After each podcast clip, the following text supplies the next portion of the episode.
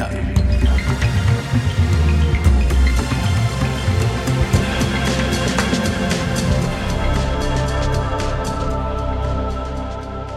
Ko je Kitajska konec lanskega leta po večletnem strogem zapiranju gospodarstva zaradi epidemije koronavirusa spremenila svojo politiko in državo ponovno odprla, so ekonomisti po vsem svetu pričakovali visok skok gospodarske rasti drugega največjega svetovnega gospodarstva. In vendar iz Pekinga prihajajo manj spodbudne novice. Hude težave kitajskih nepremičninskih gigantov in gradbenega sektorja, upad izvoza, skromna domača poraba, manj zanimanja tujih investitorjev, grozeča deflacija in velika brezposelnost mladih. Kaj se torej dogaja z gospodarstvom azijske vele sile, ki že zaradi svoje velikosti neobhodno vpliva tudi na celotno svetovno ekonomsko sliko? Gre za resne gospodarske težave ali pa so ocene Zahoda, ki je Kitajski že večkrat napovedoval skorajšnji kolaps, tudi tokrat pretirane? Kateri so ekonomski, družbeni in geopolitični vzroki za upočasnevanje gospodarstva države, ki je dolga desetletja raslo s vrtoglavo hitrostjo? Ter kaj vse to pomeni za kitajsko družbeno-politično stabilnost ter ne nazadnje tudi legitimnost kitajske komunistične partije? To so nekatera od vprašanj, o katerih bomo govorili v tokratni intelekti. Z mano v studiu je sinologinja dr. Maja Veselic z oddelka za azijske študije na Ljubljanski filozofski fakulteti. Dobr dan. Nadaljavo pa smo povezani z ekonomistom dr. Mateužem Raškovičem, izrednim profesorjem mednarodnega poslovanja in strategije na Tehnološki univerzi v Novozelandskem Oaklandu ter gostujočim profesorjem na Univerzi Zhejiang na Kitajskem. Jora, lepo zdrav. Lepo pozdravljena oba. Pa bi začela kar z vami, eh, dr. Raškovič. Kaj se pravzaprav dogaja s kitajskim gospodarstvom? Kako resna je ta kriza oziroma upočasnitev gospodarske rasti, o kateri se toliko piše zadnje čase in katere sektore pravzaprav zadeva največ? Torej slišimo o težavah teh velikih nepremičninskih eh, gigantov, ki pa so se sicer začele že pred leti. Ne? Torej, to, kar se dogaja trenutno na kitajskem, bi lahko najlažje ponazorili z dvema primeroma. In sicer na eni strani se je mogoče razpočil balonček pričakovanj, ki ga ima Zahod do same Kitajske. Kot ste že omenili, je bila Kitajska zaprta več kot tri leta. Na nek način odrezana od sveta, in ko sem se sam pred tremi meseci približno mudil na Kitajskem prvič po štirih letih, je bilo moč opaziti, kako se je Kitajska v tem času močno spremenila. Na Zahodu pozabljamo, da smo se večinoma odprli že lansko leto ali pa še prej, in smo na nek način pozabili, da Kitajska v tem smislu trenutno gre skozi podobne težave, skozi katere so šla tudi druga večja in manjša gospodarstva, ko so se začela odpirati in ponovno zaganjati po pandemiji COVID-a.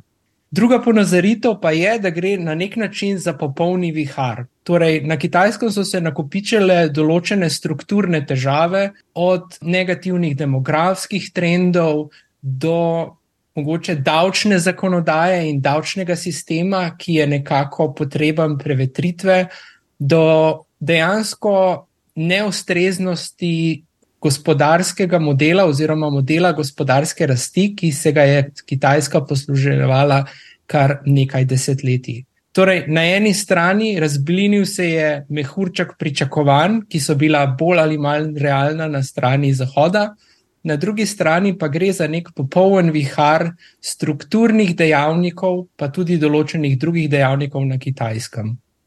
Ampak zdaj, Maja Veselič, ne, kako se pač te težave, od težav v nepremičninskem sektoru, manjše rasti, kako se pravzaprav vse to kaže v življenju Kitajcev, katere sloje ali pa predele to najbolj zadeva, na kakšen način se te učinki teh gospodarskih težav čutijo in kdo jih pravzaprav čuti.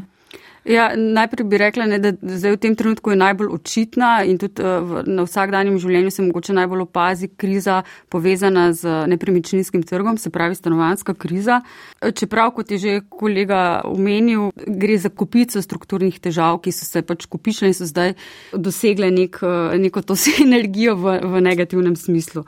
Zdaj, uh, zaenkrat kriza ne prizadeva posebej, vsaj v nepremičninskem smislu, tukaj govorim, ljudi v teh največjih kitajskih mestih, najbogatejših kitajskih mestih, kot so Peking, Šanghaj, Shenzhen, tudi Guangzhou.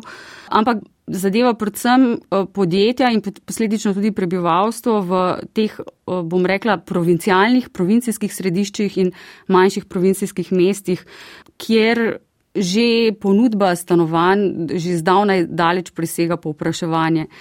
Zdaj na nek način bi se zdelo, da bo to vodilo do paca eh, cen nepremičnin in s tem seveda lažjega nakupa prve nepremičnine na kitajskem, ker tudi na kitajskem podobno kot v Sloveniji ljudje želijo biti lastniki nepremičnine, se zelo prizadevajo za to. Uh, vendar uh, so zaenkrat ti paci cen relativno majhni in po drugi strani ljudje zaradi vse splošne krize uh, tudi ne investirajo denarja v nakup stanovanja. Torej, tudi če so že prihranili dovolj denarja, recimo za prvi polog ob nakupu, se raje odločijo, da ne vzamejo kredita in e, kupijo stanovanja, ampak denar prihranijo za nekatere bolj nepredvidene ali pa stroške, ki. Če jih bodo doleteli, jih bo treba nujno takoj poravnati. Tukaj mislim predvsem recimo na zdravstvene težave ali pa na recimo več želijo vlagati mogoče v izobraževanje otrok in podobno. Torej za to prihranijo denar, ne za to tekočo potrošnjo, da tako rečem. Zdaj, seveda, zaradi težav nepremičninskega trga je potem kupica, to zadeva tudi vprašanja industrije ali pa storitvenega sektorja, ki je povezan s tem trgom, recimo v, v zelo upadu nakup pohištva. Ljudje ne samo, da ne se ne odločajo za nakup novih stanovanj, tudi ne odločajo se recimo za renovacijo, ampak se odločajo, da bo raje počakali. In tudi sicer je, se zdi, da je pač padel nakup trajnejših dobrin tudi pri električnih avtomobilih, kjer je pa podobno kot pri nepremičninskem trgu, v bistvu ta proizvodna kapaciteta Kitajske bistveno višja, kot je v bistvu ta trg sam kitajski. Potem uh, vidimo to, uh, ta odnos, ki ga imajo ljudje s povečevanjem vrčevalnih vlog, kot rečeno, torej denar hranijo zato, da si zagotavljajo tekočo likvidnost. Manj se pozna ta kriza v storitvenem sektorju, ljudje potujejo, grejo ven, jaz ne, tudi pri nas je bil v bistvu nek cel boom uh, in turistični in uh, že v gostinstvu, ne, so bili vsi, kot je kolega Raškovič povedal, ljudje pač se odpirajo in je ta neka potreba po druženju, ampak kažejo neki podatki, da vsaj v turizmu zapravljajo manj turisti, čeprav potujejo, si privoščijo manj. Ne. Potem se kaže, to ste že tudi vi v napovedniku omenili, visok, v visoki brezposelnosti mladih. No, ta pa zadeva v prvi vrsti tiste, ki so končali univerzitetne oziroma visokošolske študije. In ta številka je res visoka. Ne? Že nekaj časa, pravzaprav že lani ob tem času je bila tudi že zelo visoka stopnja brezposobnosti, ampak takrat je bila Kitajska še zaprta ne? in se je to pripisovalo mogoče eh, tudi eh, tisti gospodarski situaciji. Zdaj pa, ko se je odprla, pravzaprav kmalo potem, ko se je odprla, je na trg vstopilo novih 11-12 milijonov diplomantov, ki iščejo službe, vendar jih ne najdejo, vsaj ne takih, ki bi ustrezale njihovi izobrazbi. Tako da se eh, tudi mnogi potem ne odločajo recimo za ustvarjanje družine, kar posledično zopet zmanjšuje povpraševanje po stanovanjih, ne, ampak ostajajo recimo doma pri starših in podobno. Torej, eh, mo, moč, mogoče še enkrat, da res povdarim, zaenkrat eh, se zdi, da ta kriza bolj, je bolj prizadela notranje regije ali pa bomo rekli tiste srednje in manj razvite dele Kitajske, kot pa ta res velika mesta. Um, ampak, Maja Veselič, torej omenili ste to um, zadržanost pri potrošnji.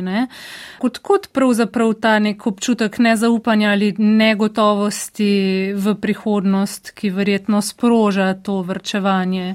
Ja, torej, te skrbi, ki jih recimo mladi, pa tudi njihovi starši gojijo že dalj časa, to so stvari, ki so povezane s, tem, eh, s to visoko ceno stanovanj, s tem dejstvom, da je recimo moški še vedno se pričakuje od njega, da kupi stanovanje, da ima v poroki stanovanje, da tudi danes v velikih mestih je tudi standard, ne vem, imeti eh, avtomobil lastni uh, in podobno. Že, že to so neki stroški, torej ti stroški plus stroški, ki so povezani z zdravstveno oskrbo, ki je na kitajskem zdaj zelo varira od uh, kraja do kraja, province do province, ampak načeloma pač ni uh, tega univerzalnega zdravstvenega zavarovanja ali pa tudi tiste oblike zdravstvenih zavarovanj, ki jih nudijo nekatere mestne občine ali pa ta velika mesta, ne pokrivajo vseh stroškov. Ne? Torej, ljudje ne nehno živijo s to mislijo, da so določene stvari, za katere je treba denar prihraniti, ker jih uh, bomo morali takrat. Ne vemo, tudi neki nepredvidljivi stroški, s katerimi se bodo mogoče mogli soočati. Seveda, uh, tukaj ne gre samo za lastno zdravje, ampak tudi za zdravje recimo starejših, ker zdaj je ta delovna aktivna generacija, so že generacije edincev, a ne ki morajo potem nositi tudi breme uh, skrbi za starše in podobno. Torej, ta skrb že odvedno obstaja. Zdaj, trenutna gospodarska situacija, sploh ta zaposlitvene možnosti, ne, so pa tako črnoglede zaenkrat, da ljudje zaradi tega vrčujejo. Torej, ne gre za to, da bi zdaj v tem trenutku že imeli bistveno manj denarja za zapravljati, ampak da prioritizirajo stvari ki so res najnujnejše. Tako da ta, kako bi rekla, pesimizem, Danes je lahko res mogoče govorimo o pesimizmu, ampak te skrbi in prioritizacija, recimo varčevanja za določene stvari, pa sega že nekaj let nazaj. Ne. Um, Matej Šraškovič, kako pa gre potem to skupaj s kitajskimi načrti, čeprav razumem, je kitajska komunistična partija vseeno nekako veliko upov polaga v to domačo potrošnjo, tudi v kontekstu trgovinske vojne z Zahodom, kjer naj bi to zagotavljalo neko notranjo stabilno uh, gospodarsko rast. Kako torej zdaj oni razmišljajo o tem in na kakšen način se lotevajo teh težav? No, torej Kitajska se je že v času svetovne gospodarske in finančne krize, ne, torej 2007-2008, naučila, da mora biti bolj samozadostna. Takrat je bila uporabljena dikcija, da pred svetovno finančno in gospodarsko krizo je bila Kitajska dvonogo gospodarstvo, torej gospodarstvo, ki je stalo na dveh nogah.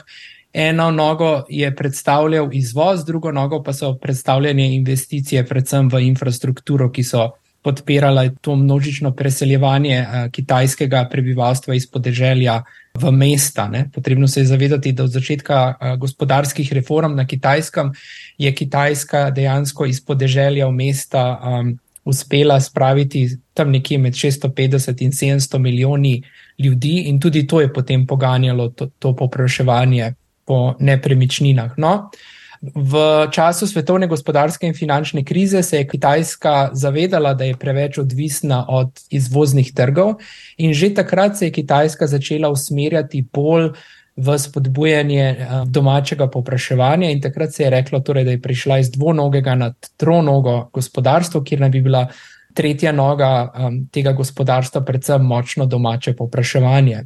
V tem oziru se je zgledovala po Združenih državah Amerike ki so kljub svojim usponom in pacem v gospodarskem smislu vedno nekako imele zaledje v zelo močnem domačem popraševanju in zelo močnem domačem gospodarstvu. In že v bistvu od takrat se je Kitajska začela osredotočati na spodbujanje domačega um, popraševanja. In na nek način je nepremičninski sektor ne, in ta trg nepremičnin, ki je tako famozno um, zagoneten, saj v oziru um, kitajskega gospodarstva in družbe, um, samo vrh neke ledene gore. Torej, potrebno se je zavedati, da recimo na kitajskem prebivalstvo nima toliko možnosti, kar se tiče v tem investicijskem smislu. Torej, imajo sicer borzne trge, imajo dva borzna trga, um, vendar ti borzni trgi na kitajskem ne delujejo tako kot delujejo druge na Zahodu, kjer je večina torej, institucionalnih investitorjev. Tako da borzni trg na kitajskem je bolj nek prostor za igračkanje, v bistvu kot nekakšna igra na srečo. In potem v bistvu ne obstaja toliko veliko možnosti, kam vse naložiti denar, in v tem smislu je nepremičninski trg postal zelo pomemben. Vzvod za nalaganje in oplajevanje premoženja posameznikov in, in gospodinstv. Seveda so tu tudi določeni kulturološki razlogi, torej, ki segajo daleč v, v zgodovino Kitajske. Ne? Torej, nepremičnina je nekaj, kar je fizično, nekaj, kar stoji in obstoji, medtem ko finančni trgi so lahko zelo sprejemljivi. Ampak tu gre v bistvu za nek, za nek bolj kompleksnejši pojav, kar se tiče nepremičninskega trga, ki je povezan nekako zgodovinsko z davčnimi reformami, ki so se na kitajskem začele tam nekje konec leta 1993-1994. Torej, do začetka 90-ih let je imela Kitajska na nek način zelo arhajičen davčni sistem, ki se je imenoval Čengbao ki je nekako izhajal še iz časa feudalizma na Kitajskem, kjer so v bistvu lokalne oblasti in pa centralna oblast se pogajale o deležu davčnih prihodkov, ki jih bo centralna oblast na nek način pridobila od, od lokalnih oblasti. In ko se je Kitajska začela razvijati v luči ekonomskih reform, torej, ki so se začele konec 70-ih let, predvsem pa v 80-ih letih, so centralne oblasti ugotovile, da imajo od te silne gospodarske rasti, ki se je začela relativno malo, in da so predvsem največ pridobile lokalne oblasti. In v luči tega torej so se lotili obsežne davčne reforme konec leta 1993, ki je stopila v veljavo leta 1994. Kjer se je v bistvu večina teh davčnih prihodkov na nek način začela prelivati od lokalnih oblasti k centralni oblasti. No, in leta 1994, ko se je zgodila ta famozna davčna reforma, so dejansko tistega leta prihodki centralne oblasti skočili iz 22 odstotkov na 56 odstotkov. Ne, če zdaj poenostavimo, kaj se je zgodilo.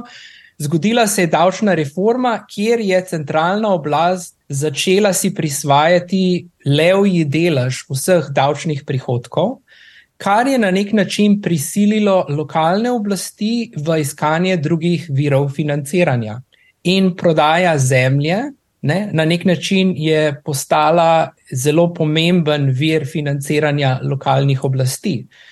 Ko so potem kitajske centralne oblasti leta 2010 nekako prenehale z izvajanjem tega obsežnega finančnega stimulusa v luči svetovne ekonomske in gospodarske krize, so pa lokalne oblasti začele iskati tudi druge vire financiranja in takrat začele inovirati s tako imenovanimi posebnimi finančnimi instrumenti, kjer se so lokalne oblasti recimo šle na finančne trge, izdale obveznice, te obveznice garantirale z določenimi nepremičninami oziroma z določenim drugim kapitalom, predvsem zemljo in potem ta denar nekako vlagale v nepremičninski sektor, torej za razvoj lokalnih gospodarstv. Ne. Začela se je dogajati tekma, katero mesto tretjega ali četrtega ranga bo postavilo višjo stolpnico in na ta način bilo omenjeno v luči centralnih um, kitajskih oblasti.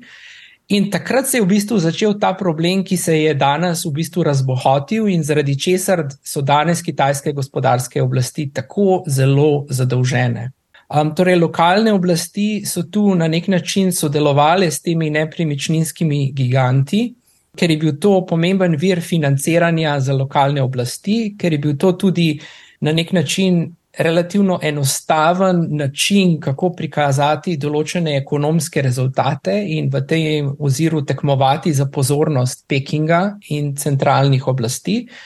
In to je šlo zelo lepo z roko v roki, z pač klasičnim pohlepom v privatnem sektorju, torej nepremičninskih tajkunov, ki so pač želeli obogateti, ki so želeli biti uspešni. In v tem oziru gre za neko sistemsko težavo, v kateri je svojo vlogo odigrala tudi kitajska oblast, na, na nek način tudi centralna oblast. In prav v tej luči je sedaj mogoče zaznati, da prihaja do določenih indicov, da naj bi se prevetrila davčna zakonodaja na kitajskem, saj se tudi centralne oblasti na kitajskem zavedajo, da so številne lokalne oblasti na kitajskem v velikih finančnih težavah in so centralne oblasti, recimo v deset najbolj problematičnih provinc, poslale svoje strokovnjake in pa tudi strokovnjake centralne kitajske banke, ki sedaj vršijo skrbni pregled njihovih finančnih knjig in ugotavljajo, koliko so res velike te težave. Bi mogoče tukaj samo dodala, ne, da v bistvu problem je v tem, da lokalne oblasti morajo financirati kup javnih tudi storitev, že prej omenjeno zdravstvo, šolstvo, to je vse na plečih lokalnih vlad, ki pa, kot je bilo ravno kar omenjeno, v bistvu so precej omejene pri svojih prihodkih ali pa virih prihodkov. In zanimivo je, ne, da zakaj so ta, ti problemi mogoče zdaj najbolj jasno kažejo v teh, bom rekla, srednje in manj razvitih mestih ravno zaradi tega, ker so to vlade, ki imajo relativno še manj možnosti pridobivanja uh, alternativnih virov financ in pa Deloma so to tudi mesta, ki so pravzaprav bila na nek način nasilo urbanizirana, urbanizirana nasilo, kar hočem s tem reči, je, da, da so sicer imajo status mest in da je bila ta gromozanska gradnja, ki se tam dogajala, tudi nek način, da bi privabili ljudi z vasi v mesta ali pa nekatere tudi večji taki okraji so se spremenili v bistvu iz ruralnih območij v mestna območja, ni, ni šlo toliko za selitve, ampak V resnici ta mesta niso atraktivna za večino kitajskega prebivalstva, torej ne nudijo tega, kar nudijo ta velika mesta. Zato kljub temu, da je tam en kup nepremičnin na voljo, da so to mesta in torej imajo ljudje ta mestni status, status mestnega prebivalca, pa ugodnosti ali pa pravice, eh, kvaliteta življenja, ki jo imajo tam, ne, ni primerljiva s temi velikimi mesti. Zato migracije še vedno močno potekajo v bistvu na vzhodno obalo, velika mesta, eh, v tiste res eh, metropole. Ta mesta pa potem samevajo, ostajajo prazna in se eh, ta, eh, bom rekla, loterija oziroma ta poskus lokalnih oblasti zasluži denar prek nepremičninskega trga pač ni obnesel. Matej Šraškovič, torej zdaj smo nekako veliko govorili o tem nepremičninskem trgu, o nekih notranjih težavah kitajskega gospodarstva. Ne? Koliko pa imajo pri tej krizi, kakšno vlogo pa igra tudi eh, neka geopolitična situacija, torej blokade določenih tehnologij strani Zahoda, eh, trgovinska vojna, morda tudi nasploh manj zaupanja tujih investitorjev. Kako pomembni so torej, pri tej krizi še nekateri drugi dejavniki? Torej, ironija je, da marsikatero težavo, ki jo zunanji opazovalci, torej tisti izven Kitajske, razumemo kot v navednicah zunanje težave Kitajske, jih Kitajska na nek način razume kot v navednicah notranje težave. Kitajska je na nek način se zaveda, da je drugo oziroma celo prvo največje gospodarstvo, odvisno ali upoštevamo pariteto kupne moči ali ne. In Kitajska je v tem smislu močno osredotočena sama vase. Ne? Že samo ime Čungu, srednje kraljestvo na nek način nakazuje, um, da, um, da gre v bistvu za državo, ki nekako sebe dojema um, kot središče sveta.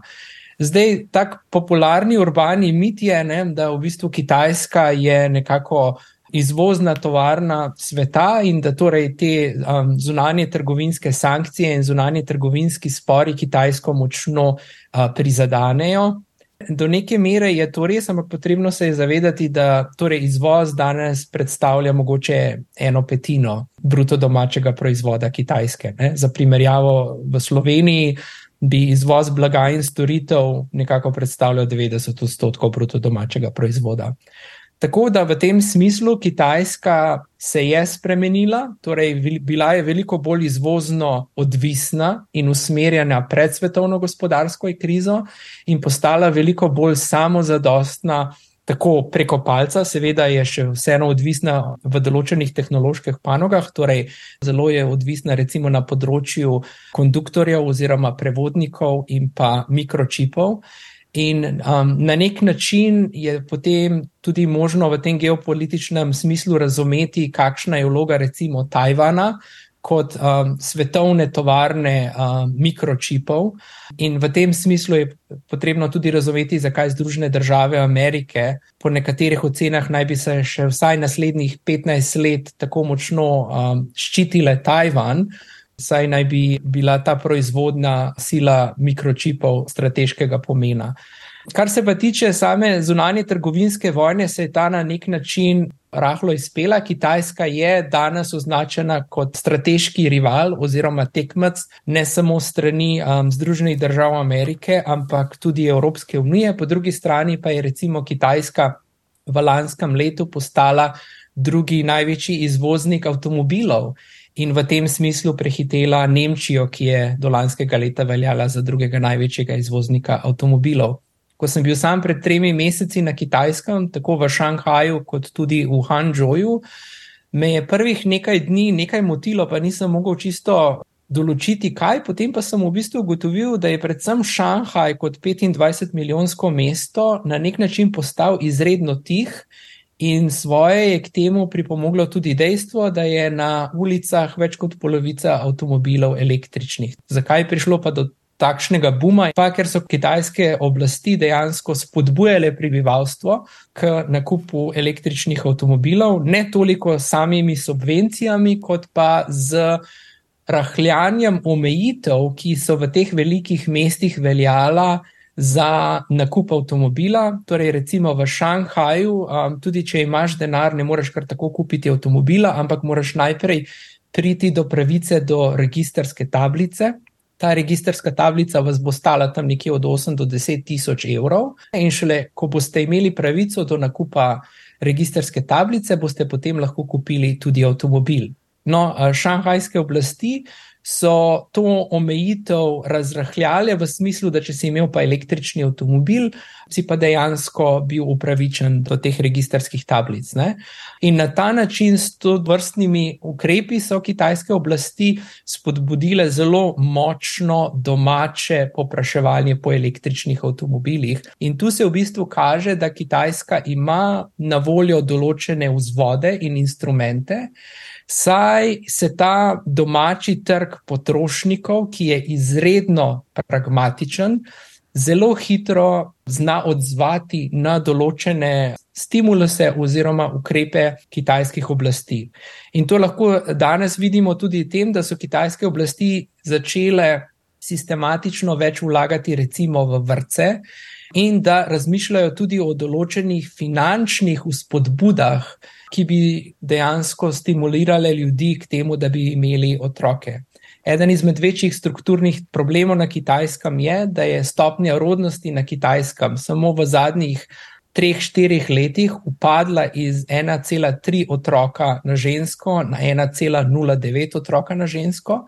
Torej, za naravno obnavljanje prebivalstva je potrebna stopnja rodnosti tam nekje okoli 2,1 otroka um, na žensko kitajske oblasti prepoznavajo to vrstne strukturne težave in na nek način se počasi poslužujejo ukrepov, kitajsko prebivalstvo pa je v tem oziru izredno, izredno praktično in se zna relativno hitro odzvati na to vrstne ukrepe. Ja, jaz bi mogoče tukaj, kar se tiče spodbujanja rodnosti, se mogoče ne bi posem strinjala s kolegom zaradi tega, ker zaenkrat vsi ti ukrepi, ki jih v bistvu sprejemajo že od leta 2016 naprej, ne, so razno razni ukrepi, tako na nacionalnem nivoju, kot pač na lokalnih nivojih, se ti so še pomembnejši, podaljševanje materinskega dopusta, uvajanje očetovskega dopusta, razne finančne spodbude, bori si v obliki subvencij, davčnih olajšav in podobnega, zaenkrat zelo slabo rodijo sodobno nove. Ne? In tudi, recimo, ko se jaz pogovarjam s kakšnimi mlajšimi eh, ljudmi,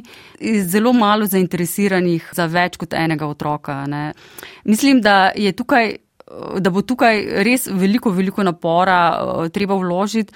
In to ne samo na način, ne vem, kaj bi bili no pravzaprav pravi ukrepi, ampak zdi se, da je zelo malo interesa. Recimo, ne vem, leto sem se pogovarjala z eno od naših lektoric, ki je sicer poročena, pa nima otroka in je rekla maksimalno enega, ne več kot to. Ne. Pa še to oba z možem upava, da bo hčerka in ne sin. Zaradi tega, ker je pač to finančno breme zaenkrat na družini ženina bistveno više kot na družini neveste, kot sem že prej omenila, recimo stanovanje, avto in podobno. Ne. In tudi nismo ona taka, mislim, takih je cel kup mladih ki kljub temu, da imajo solidno plačane službe, tudi, kar je potrebno povdariti, stabilno zaposlitev, torej ne gre za neke, ne vem, zaposlitev na poziv, te bolj neformalne oblike zaposlovanja in podobno, pa se še vseeno ne odločajo ne, za več otrok. Ne vem, tukaj se bo res morala država zelo, zelo potruditi eh, in še verjetno v drugih vidikih, ne samo teh vidikih, ki neposredno skušajo reševati vprašanje skrbi za, za otroke, ne kot so vrci, finance, bojo morali še neke druge načine najti. Verjetno tudi to breme skrbi za starejše, ki ga veliko mladih upošteva pri svojih načrtih za prihodnost. Ja, tudi po tem, kar ste prej govorili, Maja Veselič, ne, se zdi, da ni eh, ravno nekega optimizma, ki bi preveval v te eh, mlajše kitajske generacije. Ne, pa me zanima, koliko pa ta morda eh, bolj, kako bi rekla, bolj negotov obet nekega izboljševanja um, ekonomske situacije. Kako to pravzaprav vpliva tudi na pogled ljudi na kitajsko politično vodstvo in konec koncev na eh, kredibilnost kitajske komunistične partije, ker včasih imamo sicer v Kitajcih eh, morda predstavo, da je to nek tako kolektivističen narod, ki bi pravzaprav bil pripravljen karkoli potrbeti za neko skupno dobro in moč svoje države, ampak po drugi strani pa očitno vseeno reagirajo nekako na to poslabšanje obetov. Ja, zdaj na Kitajska se je seveda odločila v tem svojem tudi razvojnem modelu, da bo krepila srednji sloj in uh, vrednote, pričakovanja, aspiracije tega srednjega sloja, tudi zaradi tega, ker naj bi ta zagotavljal družbeno stabilnost. In v bistvu v okviru teh prizadevanj lahko tudi beremo to idejo kitajskih sanj, ki so zelo take tudi ameriške ali pa slovenske sanje, torej dobro zaposlitev, socialna varnost, lagodno življenje.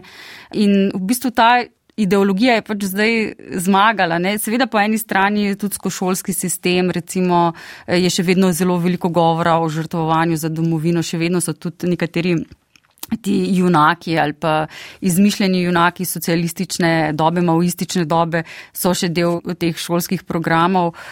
Veliko je tudi govora o solidarnosti, o reševanju ljudi z revščine. Na nek način se ta solidarnost, kolektivnost še vedno zelo promovira, ampak po drugi strani skupico ukrepov in tudi s tem, kdo so tisti, ki so uspešni v kitajski družbi in tudi kako se v bistvu konec koncev partijski veljaki obnašajo. Ne.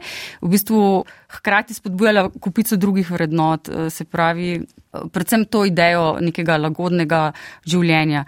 Torej, to skupno blagostanje, ta sintagma eh, oziroma ta ideja, ki ne, jo Kitajska želi, cilj, ki ga Kitajska želi doseči do leta 2049, torej do stote obletnice ustanovitve Ljudske republike in na čemer deloma tudi temelji legitimnost kitajskega vodstva je do neke mere se uresničuje za del prebivalstva, za druge pa spet ne. ne. In tukaj mladi danes pač niso pripravljeni eh, se žrtvovati, trpeti za skupno dobro. Ne. Recimo delu teh diplomantov so tudi ponujene možnosti, da grejo delati v te bolj odročne, manj razvite predele Kitajske. Recimo ta velika socialna neenakost je resen problem in tudi študije nedavno upravljene kažejo, da je vprašanje kvalitete izobraževalnega sistema recimo na podeželskih delih Kitajske res velik problem oziroma gre za zelo velike razlike med kvalitetnimi šolami ne samo v velikih, v teh vele mestih, ampak tudi v tistih malenkost manjših in potem recimo ma, zelo majhna mesta, podeželska Kitajska, zelo, zelo velike razlike so v usposobljenosti kadra, v razmerju med. Uh, številom učiteljev in učencev v sami infrastrukturi in tako naprej. Ne? In zdaj, pred kratkim tudi Xi Jinping, torej kitajski predsednik in generalni sekretar komunistične partije, torej je rekel, ne, naj grejo mladi delati na podeželje, ne? naj grejo za učitelje. V bistvu je en cel program, ki skuša spodbuditi mlade, da, da bi se odločili za taka in tudi druga delovna mesta v manj razvitih delih Kitajske, torej da bi pomagali tudi tem delom, da ujamejo bolj razvite regije, ampak interesa ni, zato ker so razmere tam enostavno pretežke za ljudi, ki so odraščali v urbanih okoljih. Ne. Druga stvar je tudi, da se kaže, pravzaprav že od 2000 let naprej so nekatere sociološke študije pokazale, da tisti otroci, ki so bili sicer rojeni v mestih, ampak so bili rojeni mestnim prebivalcem brez mestnega statusa, tem migrantom recimo z podeželja, da kljub svoji boljši izobrazbi, od, kljub boljši izobrazbi od svojih staršev, enostavno niso imeli takih priložnosti, kot so jih imeli njihovi urbani sovr, torej urbani so vrstniki z urbanim statusom. Tako da je tukaj ta nek pesimizem, v bistvu se, se, se mogoče ta del se je deloma populacije, se je deloma počutil že prej izdane, v tem smislu, da niso bile njihove obljube, njihova pričakovanja uresničena. Po drugi strani pa zdaj tudi za del teh urbanih prebivalcev z urbanim statusom se dogaja podobno. Ne. Število diplomantov, kot rečeno, je izjemno visoko, zdaj približno 60 odstotkov ljudi, ki končajo srednjo šolo, nadaljuje potem na višji stopni uh, študij. Deloma je to povezano tudi z temi tremi leti COVID-a oziroma zaprtja, ko uh, so se ljudje odložali, da bojo naprej študirali, če tudi bi v kakšni drugačni situaciji mogoče tako iskali zaposlitev že po srednji šoli. Ne. Tako da od njih ni ti, ti mladi pač želijo dru, drugačno življenje. Ne. Težko si je predstavljati, da bojo kot generacije, zdaj recimo sedanjega voditelja Kitajske, Xi Jinpinga, ki so bile pravzaprav tudi prisiljene, ne, niso prostovoljno odhajali ali pa so deloma pač iz ideoloških razlogov odhajali na podeželje.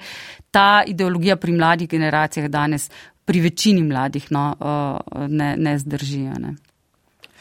Matej Šraškovič, um, zdaj smo torej govorili nekako o teh notranjih učinkih, ne, kako bi pa lahko to upočasnjevanje rasti na kitajskem vplivalo tudi na kitajsko gospodarsko dejavnost v tujini? Ali se spričo teh težav opuščajo tudi kakšni pomembni infrastrukturni projekti v okviru te inicijative En pas, ena pot, ali to pravzaprav uh, še nima zares učinka?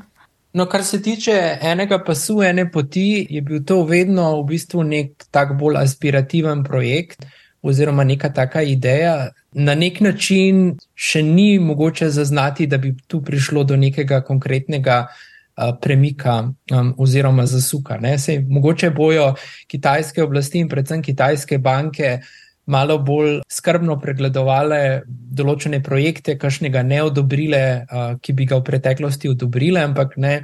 V bistvu ta ohlapnost, ne, kaj je en pas oziroma ena cesta, dejansko na nek način tudi omogoča manevrski prostor uh, Tako da tu težko bi govorili, da, da, da je zaenkrat opaziti do neke silne upočasnitve. Ne.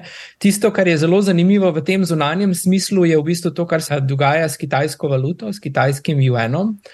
Torej, kitajski juan je recimo letos, samo v letošnjem uh, letu upadel za približno 5 odstotkov um, svoje vrednosti in to na nek način je odraz pešajoče moči kitajskega gospodarstva. Ne. Torej, da se razumemo, Kitajsko gospodarstvo še vedno raste, tudi mednarodne agencije so nekako tudi mednarodni denarni sklad in Svetovna banka sta začela popravljati svoje ocene, da letos Kitajska najverjetneje ne bo dosegla 5,5 odstotne stopnje gospodarske rasti. Pesimisti nekako napovedujejo, da naj bi bila gospodarska rast pod 5 odstotki in ta šibek um, UN je na nek način tudi odraz tega upočasnevanja oziroma pešajoče moči kitajskega gospodarstva, ampak razlog.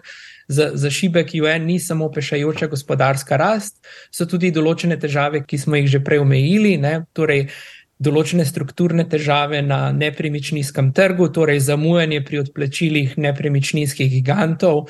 Torej, lani smo veliko govorili o Evergrandu, um, ta trenutek se veliko govori o največjem nepremičninskem gigantu na kitajskem Country Garden, ki je nekako ta trenutek v zadnjem hipu odpovedalo pomemben sestanek delničarjev in se nekako poskuša pogajati z upniki za odlog uh, plačila uh, svojih finančnih obveznosti iz naslova določenih obveznic. Um, svoje pa naredi tudi skrb glede te naraščajoče zadolženosti lokalnih oblasti. Ne? Tako da uh, kitajski UN je na nek način lahko lakmus test.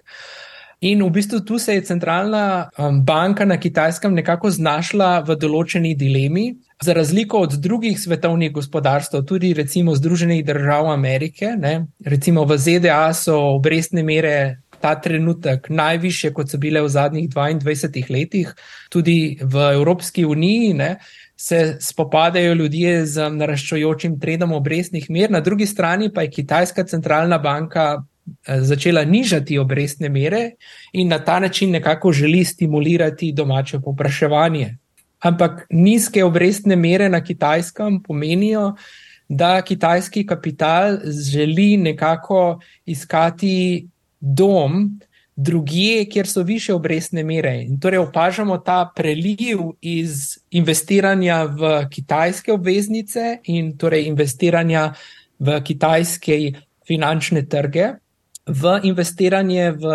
obveznice Združenih držav Amerike, kjer so rekordno visoke obrestne mere. In pozna se tudi v tem, da so tudi kitajski izvozniki na nek način začeli prelivati določena sredstva, ki jih dobijo denominirana v ameriških dolarjih, v lokalno valuto, saj za isto količino ameriških dolarjev dobijo veliko večjo količino RMB-ja. Tako da tu je nekako Kitajska centralna banka v precepu na nek način želi zniževati obrestne mere in na ta način stimulirati domače popraševanje, na drugi strani se zaveda strukturnih izzivov, torej to povečevanje domačega popraševanja mora biti zelo usmerjeno, um, saj lahko na drug način samo še poveča strukturne težave. In na nek način je strah, da bi se ponovilo to, kar se je ponovilo leta 2015. Torej, leta 2015 je centralna banka na nek način nepričakovano za tri odstotke znižala vrednost kitajskega juana, in to je v bistvu sprožilo določen preplah na kitajskem finančnem trgu, ki naj bi povzročil po nekih ocenah odliv približno tisoč milijard ameriških dolarjev denarja, ki naj bi takrat uh, pobegnil iz Kitajske. In ravno v tej luči so potem kitajske centralne oblasti uvedle novo regulacijo na področju, koliko denarja lahko dejansko se izlije iz Kitajske.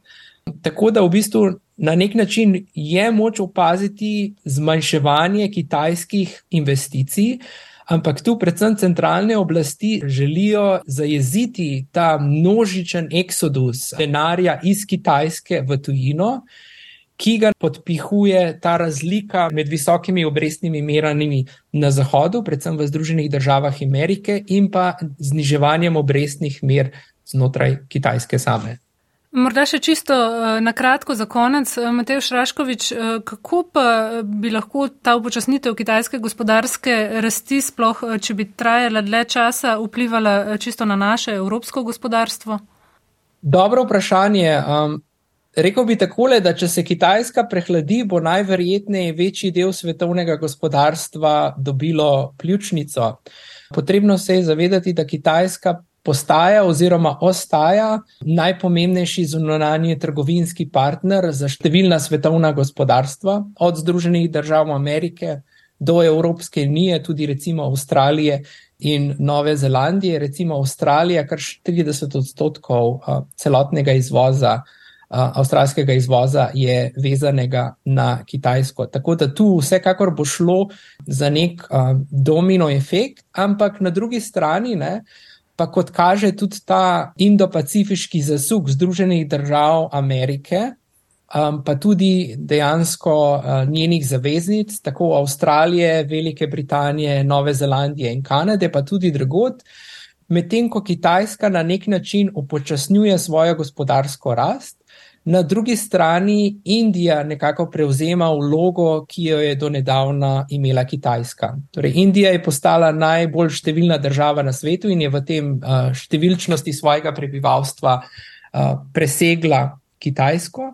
Če pogledamo stopnje gospodarske rasti Indije, je ta trenutek uh, višja od 8 odstotkov. Torej, na nek način gre tu mogoče tudi za neko prerasporeditev vpliva in pa moči. Za razliko od Kitajske, recimo, je indijsko prebivalstvo veliko mlajše, povprečna starost, mislim, da je tam nekje okoli 25 let, kar je skoraj 15 let manj kot povprečna starost na Kitajskem.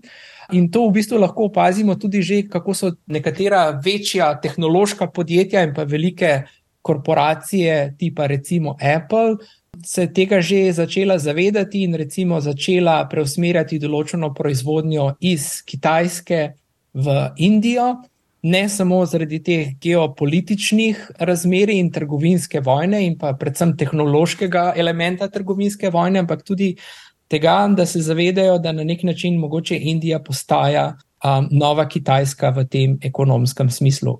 Vsekakor pa velja, da Kitajska ostaja in bo najverjetneje še kar nekaj časa ostala zelo pomemben akter za svetovno gospodarstvo. In na nek način uh, sreča v nesreči je, da je ravno ta prekomerna odvisnost od Kitajske, ki je bila tako na strani Združenih držav Amerike, kot Evropske unije, kot tudi recimo Avstralije, Nove Zelandije in podobno, prisilila te države, da so začele razmišljati in se mogoče na nek način malo bolj diversificirati. Vsekakor se bo ta momentum, ekonomski momentum in pa prihodnja gospodarska rast dogajala v Aziji, brez dvoma, torej v Aziji je ta trenutek 62 odstotkov svetovnega prebivalstva veliko mlajše prebivalstvo. Tu imamo potem recimo še države ASEAN, torej deset držav skupnosti ASEAN, ki po številčnosti svojega prebivalstva mogoče predstavljajo 40 odstotkov Kitajske, ampak v tem ekonomskem smislu ta trenutek predstavljajo mogoče eno desetino. Kitajskega bruto domačega proizvoda, tudi tu je velik potencial. Tako da pešanje oziroma omejena moč Kitajske v svetovnem gospodarstvu ni nujno tako dramatična in tako slaba za ravnovesje in za stabilnost svetovnega gospodarstva, saj nam bo že vsaka stara mama povedala, da nikoli ni pametno imeti vseh jajc v eni košari. Najlepša hvala obema za ta pogovor. Hvala. Hvala. S tem smo prišli do konca tokratne intelekte. O težavah kitajskega gospodarstva smo govorili s sinologinjo dr. Majo Veselič in ekonomistom dr. Mateužem Raškovičem. Za zvok je skrbel Gašpr Loborec, oddajo sem pripravila Alja Zore. Intelekta.